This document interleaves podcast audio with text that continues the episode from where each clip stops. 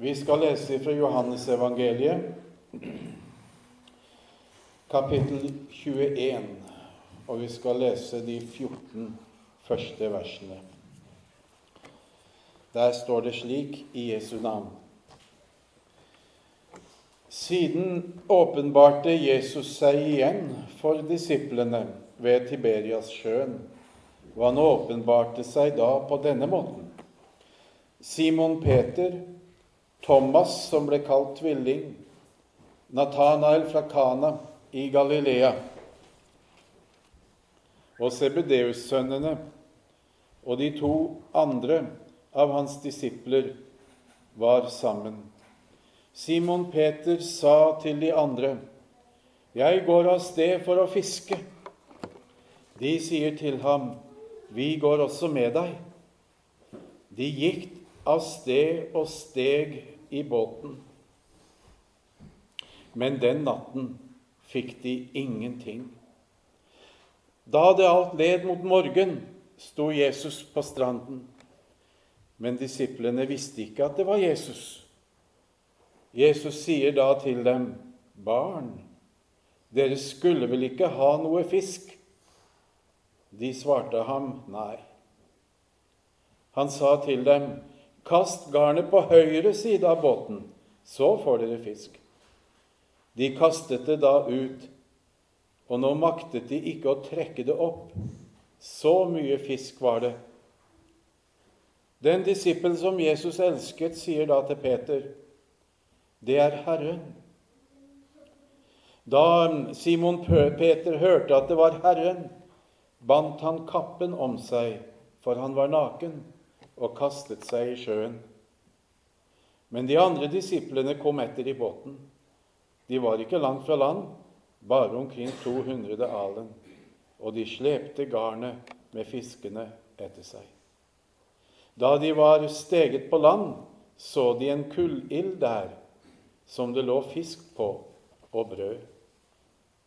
Jesus sier til dem, Kom hit med noe av fisken dere nå fikk. Simon Peter gikk da om bord og dro garnet på land. Det var fullt av stor fisk, 153 stykker. Men enda det var så mange, hadde ikke garnet revnet. Jesus sier til dem, 'Kom og få dere morgenmat.' Men ingen av disiplene våget å spørre ham, 'Hvem er du?' For de visste at det var Herren. Jesus kommer og tar brødet og gir dem og likeså fisken. Dette var tredje gang Jesus åpenbarte seg for disiplene etter at han var oppstått fra de døde. Ja, det var en litt lang tekst, men vi skal prøve å korte oss i fatthet, som en sa. I alle fall fatte oss i korthet. Det begynner med å si at Jesus nå igjen åpenbarte seg for dem. Dette betyr at det slett ikke var første gang. Samtidig så leste vi i det siste verset, vers 14, at dette som skjedde ved Tiberiassjøen, det er tredje gang han viser seg for dem. For å forstå det Jesus gjør her i det, det, det vi leste, kan det være nyttig å prøve å få en liten oversikt over den situasjonen som disiplene var i. Og de lærde er jo litt uenige om hvordan en skal forstå dette. Noen vil gå så drastisk til verks og si at her møter vi Peter og de andre Det var syv stykker. På vei bort fra Jesus og tilbake til det gamle livet. Det å gå tilbake til det gamle yrket som fiskere blir da tolket som et billedlig uttrykk for frafall fra troen. Å si noe slikt er kanskje å lese vel mye inn i disse orda her. I alle fall synes nå jeg det. La oss heller ta utgangspunkt i disiplenes situasjon. De eh, var forvirret, for å si det mildt. Det var et stort sjokk for dem at Jesus ble tatt til fange, dømt til døden og korsfestet, selv om man nok hadde sagt det på forhånd. Det er så rart med det. De visste mm, at han hadde stått opp fra de døde. Han eh, hadde da vist seg for dem i levende live ved et par par anledninger. Og det var mange brikker som hadde falt på plass for dem. Ting som Jesus hadde sagt og gjort, som de ikke hadde forstått fullt ut tidligere. De visste nok at han var den han ga seg ut for å være, den lovede Guds Messias, deres frelser og bror. De visste det nok, men allikevel så var noe annerledes nå i forhold til før påskehøytidens begivenheter. Og det gjorde de forvirret. Jesus var ikke hos de på samme måte som tidligere. Noe var litt annerledes. Og slik er nå vi mennesker en gang. Det skal ikke mye til før vi blir usikre. Han levde ikke og ledet de ikke riktig på samme måte som han hadde gjort før påsken. De var usikre på framtiden. Kallet var uklart, selv om eh, ved en anledning litt tidligere i Johannesevangeliet sies at han hadde kommet til det gjennom stengte dører og sagt 'Fred være med dere'. Liksom Faderen har sendt meg, sender jeg dere. Men instruksjonene var uklare. Hva nå, liksom? Hvordan skal det bli med oss som trofast har fulgt ham? Samtidig hadde jo Peter sviktet så utrolig tragisk i prøvelsens stund, da han fornektet Jesus. Ja, han hadde banna på at han ikke kjente ham. Det lå der og gnagde inne i bringa og gjorde situasjonen enda mer frustrerende og vond. I stedet for å gå rundt i uvisse, være nedtrykt og ikke vite hva han skulle gjøre, så tar Peter, slik som han hadde for vane, litt lederskap, og så sier han, 'Jeg går av sted for å fiske'. De andre er enige, og så slår de følge. Det er liksom settingen her. De prøvde så godt de kunne, får vi inntrykk av, men denne gangen fikk de ingenting. De mm, oppsøkte vel de gamle, kjente fiskeplassene, men alt var forgjeves. Jeg har vært i Israel noen ganger og på Genesaretsjøen. Og jeg har vært og sett åssen de fisker. Åssen de tar dette garnet liksom over skuldra og slenger det ut. Og det er på helt spesielle plasser hvor de som hadde trenet og øvd øye for fisk. De så at det liksom syda og koka litt, og det var ikke måte på fisk de fikk med seg i dette garnet. Så for meg, jeg liksom ser for meg åssen dette var. så skjer altså det at denne mannen på stranden ber de om å kaste garnet på andre siden av båten. Og denne gangen så er garnet fullt av fisk. Da kjenner de igjen Jesus. Vi leste det jo at den disippel som Jesus elsket, skjønte at det var Herren. Det må være Johannes, det. Det var han som skriver dette til oss. Under Åndens veiledning skriver dette evangelium. Han var den disippel som det nevnes noen ganger i dette evangeliet. Den disippel som Jesus elsket. Og for Peter ble det om å gjøre å få møte Jesus med en gang. Syns du ikke du ser Peter? Han måtte bare få et møte med Jesus. Han hadde ingen tid å miste. Jeg er ganske så sikker på at det som skjer her, det minte Peter om noe som skjedde tre år tidligere. Og det er fortalt oss i Lukas evangeliet kapittel 5, versene 1-11. På den tiden var Peter og Andreas, Jakob og Johannes vanlige fiskere. De utgjorde det vi vil kalle et fiskelag. Og en dag kom Jesus forbi. Han steg om bord i Peters båt og brukte den som talestol. Han lærte folket, står det der i Lukas kapittel 5. Deretter ba han Peter kaste ut garnene igjen, til tross for at de hadde strevd hele natten og ikke fått noen ting. Det Jesus ba han om å gjøre, det virket så totalt meningsløst. Det var imot enhver fiskeregel. Men allikevel Peter var lydig og tenkte vel at det kunne da ikke skade å prøve.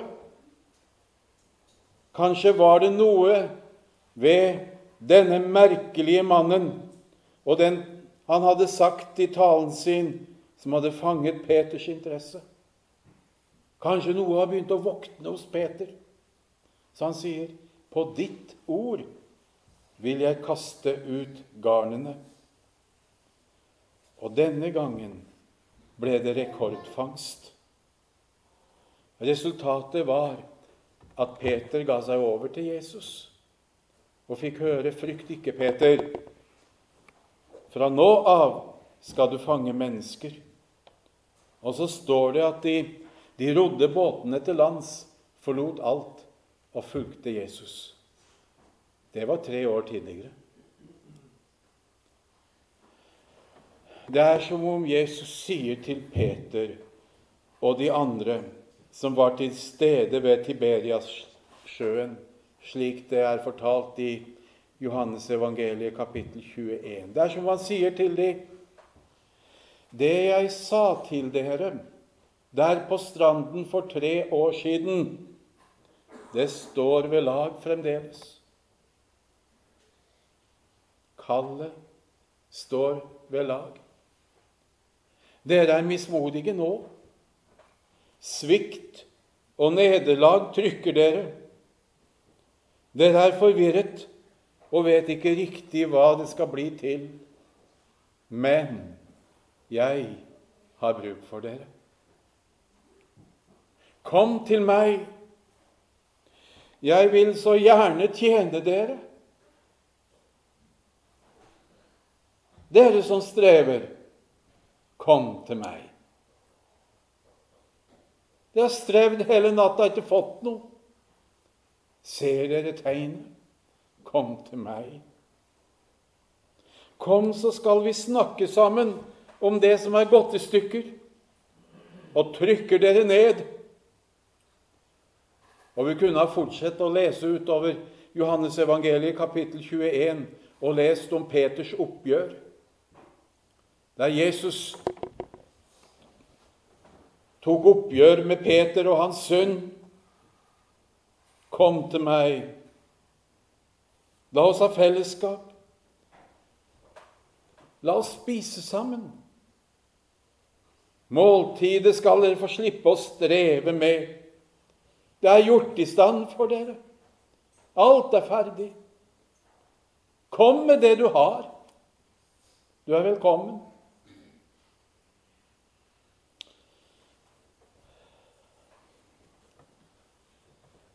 En enkel og rørende historie, vil noen kanskje si.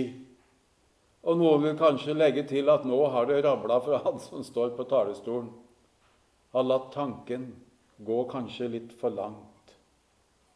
Men vi skal ikke forlate den uten å spørre hva er det Jesus ville ha sagt oss? For han hadde noe å si til Peter og de andre ute på Genesaretsjøen og ved bredden av Genesaretsjøen. Hva er det han vil ha sagt oss? Og da er svaret han vil si oss akkurat det samme som han sa til Peter og de andre. Og det har jeg lyst til å, å summere opp i noen korte punkter, slik som ordet er talt til meg. For det første Det er et uttrykk som du kanskje har hørt noen ganger. Ja, det står i Bibelen nå. Du er verdifull i Herrens øyne. Har du tenkt på det? Det er mange ganger så vanskelig for å tro det. At en synder som meg er verdifull i Herrens øyne. Du skal vite det om du har det slik. Han bryr seg om deg. Han vil komme deg nær. Vår Gud er ikke en fjern Gud. Han lever.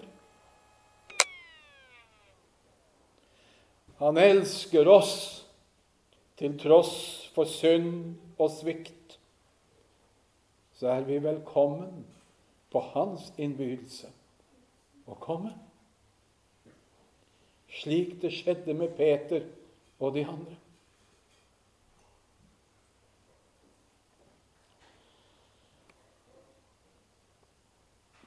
Det har vært min lodd å få tjene som misjonær.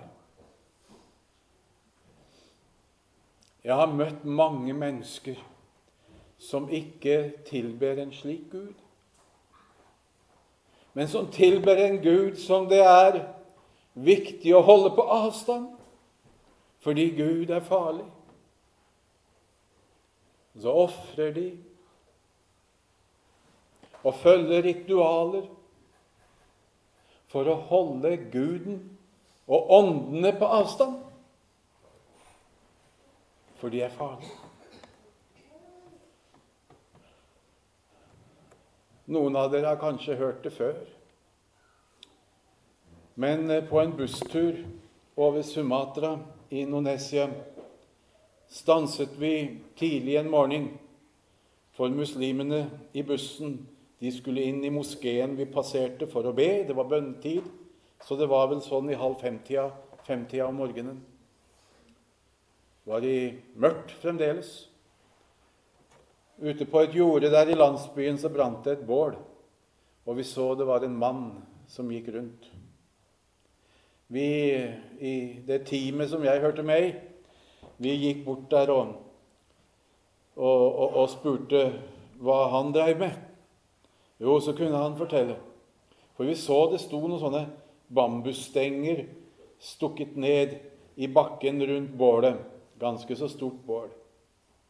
Og på det var det festa kranier av forskjellige slags dyr. Og spurte, vi spurte da hva var nå dette? Og så svarte han det. Ja, han var ildens vokter. Det hadde gått i arv fra far til sønn i uminnelige tider. For det hadde seg nemlig slik at dette bålet, det måtte brenne fra solens nedgang til dens oppgang hver natt. Og hvis det slokna, så kom åndenes vrede over landsbyen. Frykt levde de i kjente ikke den Gud som møtte opp på stranda og sa, 'Kom til meg, kom til meg. Jeg vil ha fellesskap med dere.' Vi er ikke verdifull fordi han har bruk for oss i tjenesten. Vi må ikke tro det bare. Nei, han elsker deg, og han elsker meg. Han elsker oss slik vi er. Han ønsker at vi skal komme til ham. Det er det første jeg synes lyser ut som en lærdom ut av disse versa. Det andre det er frelste syndere Jesus kaller inn i tjenesten i sitt rike. det er ikke fullkomne mennesker. Men slike som deg og meg, slike som får tro syndenes forlatelse for Jesus skyld, forvirret og usikre på kall og framtid kan vi nok være. Og jeg må ærlig innrømme, når jeg ser tilbake på mitt liv, så har det mange ganger vært mye forvirring og usikkerhet. Og som misjonær, hvor mange ganger tenkte han ikke det da det sto på som verst? Nå orker jeg ikke mer. Men ifra å tenke tanken og ta kofferten ned og begynne å pakke, var det en lang, lang, lang vei. Det ble aldri noe av. Spørsmålene er ofte mange. Kan Jesus virkelig bruke en slik en som meg? Vi vet jo så altfor godt at synd og svikt kryper så lett inn hos oss. Vi kjenner oss så altfor godt igjen i Peter og de andre. Nå minner ordet som vi leste oss om, at Jesus han ga det ikke opp. Hadde han gjort det, hadde han ikke møtt opp der på stranden i det æren som han kom. Nei, da hadde han funnet noen andre. Fra et menneskelig synspunkt kan det gjerne virke som toppen av dumskap fra den allmektige side å møte opp der på stranden. En flokk forvirra, mismodige syndere som dro av sted for å fiske. Hadde det ikke vært bedre å sende engler ut i verden? Hvorfor bry seg med skrøpelige mennesker?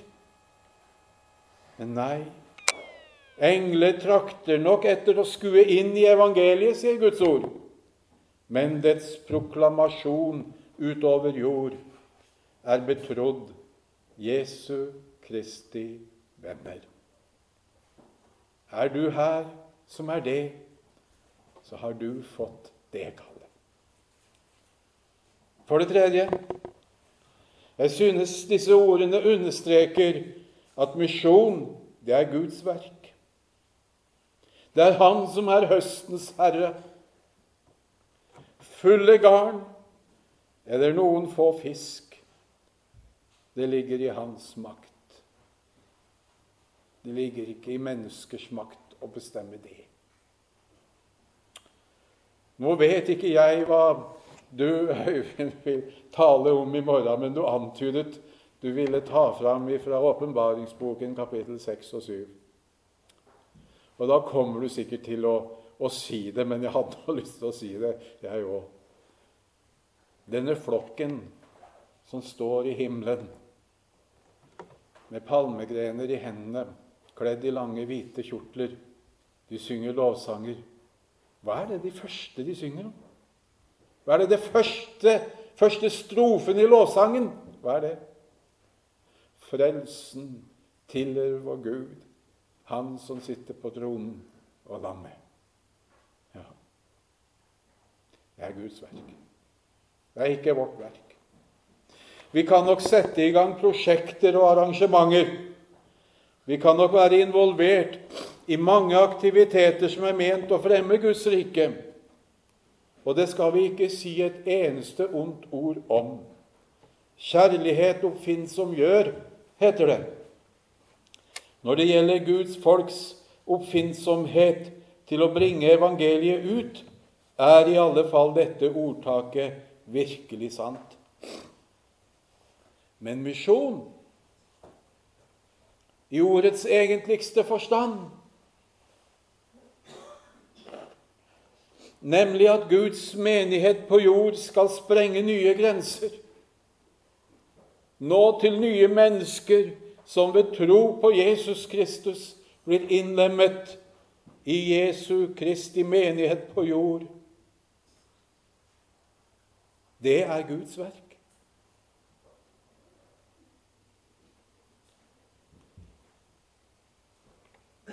Her duger ikke menneskers tanker og krefter, kunnskap og ferdigheter. Det er Guds verk. Derfor sukker og ber vi oss om at Gud må gripe inn med vekkelse og nytt liv. At Hans vitner på jord blir brukt. Vi vil være et talerør for ham, men han må gjøre det. Det er et hovedpoeng i det ordet vi leste, at det som disiplene ikke maktet med den kunnskap, erfaring og kløkt de måtte inneha, fiskere som de var, det gjorde Jesus. Et ord og et løfte med påfølgende etterfølgelse, det var nok. Kast garnet på høyre side av båten. Det var ordet. Det var kallet. Det var befalingen. Så får dere fisk. Det var løftet. Så gjorde de slik som han sa. Ja, det er etterfølgelse. I Guds rike foregår det på underlig vis, ser du. Det står slik i Skriften ikke ved makt og ikke ved kraft, men ved min ånd, sier Herren, herskarenes Gud. Det siste vi skal ta med oss nå i kveld Teksten vår her understreker det misjonsbefalingen slutter med. Og se, jeg er med dere alle dager inntil verdens ende. Johannes han gjør et poeng ut av det, at Herren selv gjør i stand måltid og deler ut både brød og fisk til disiplene. Det kan lede tanken mot nattværmåltidets fellesskap med Herren. Ja da, jeg, jeg skal ikke si noe imot det. For eh, der er det Han som innbyr og tilbyr og deler ut nådige frelsesgaver til oss. Det er Han. Men samtidig synes jeg nok at dette ordet det, det gjelder først og fremst de mange løfter om at Han vil være med. Han vil være vår Gud og være med oss alle våre dager, både de lyse og de mørke, om de nå blir mange eller få. På veggen bak podiet i forsamlingssalen vår ved bibelseminaret i Batu på Øst-Java, der vi fikk være i tolv år, står det et sitat fra Jesaja-boken kapittel 45 versene 2 og 3. Der står det slik Jeg vil gå fram foran deg, og bakker vil jeg jevne, dører av kobber vil jeg sprenge, og bommer av jern vil jeg hogge i stykker. Jeg vil gi deg skatter som er skjult i mørket, og rikdommer som er gjemt på lønnlige steder så du kan vite at jeg er Herren som kalte deg ved navn, Israels Gud. Om du glemmer alt jeg har sagt i kveld, kjære venn, så husk dette. Det er en rik Gud vi har. Det er en rik Gud vi har. Du kjenner vel ham? Du kjenner vel ham? Kjære Jesus, takke deg for ordet du møtte oss med nå. Og så ber vi om det at vi må få være i den lykkelige situasjonen. At vi også får møte opp der på stranden, Jesus, når du innbyr. Får vi komme til deg og vite det, at vi er verdifulle for deg.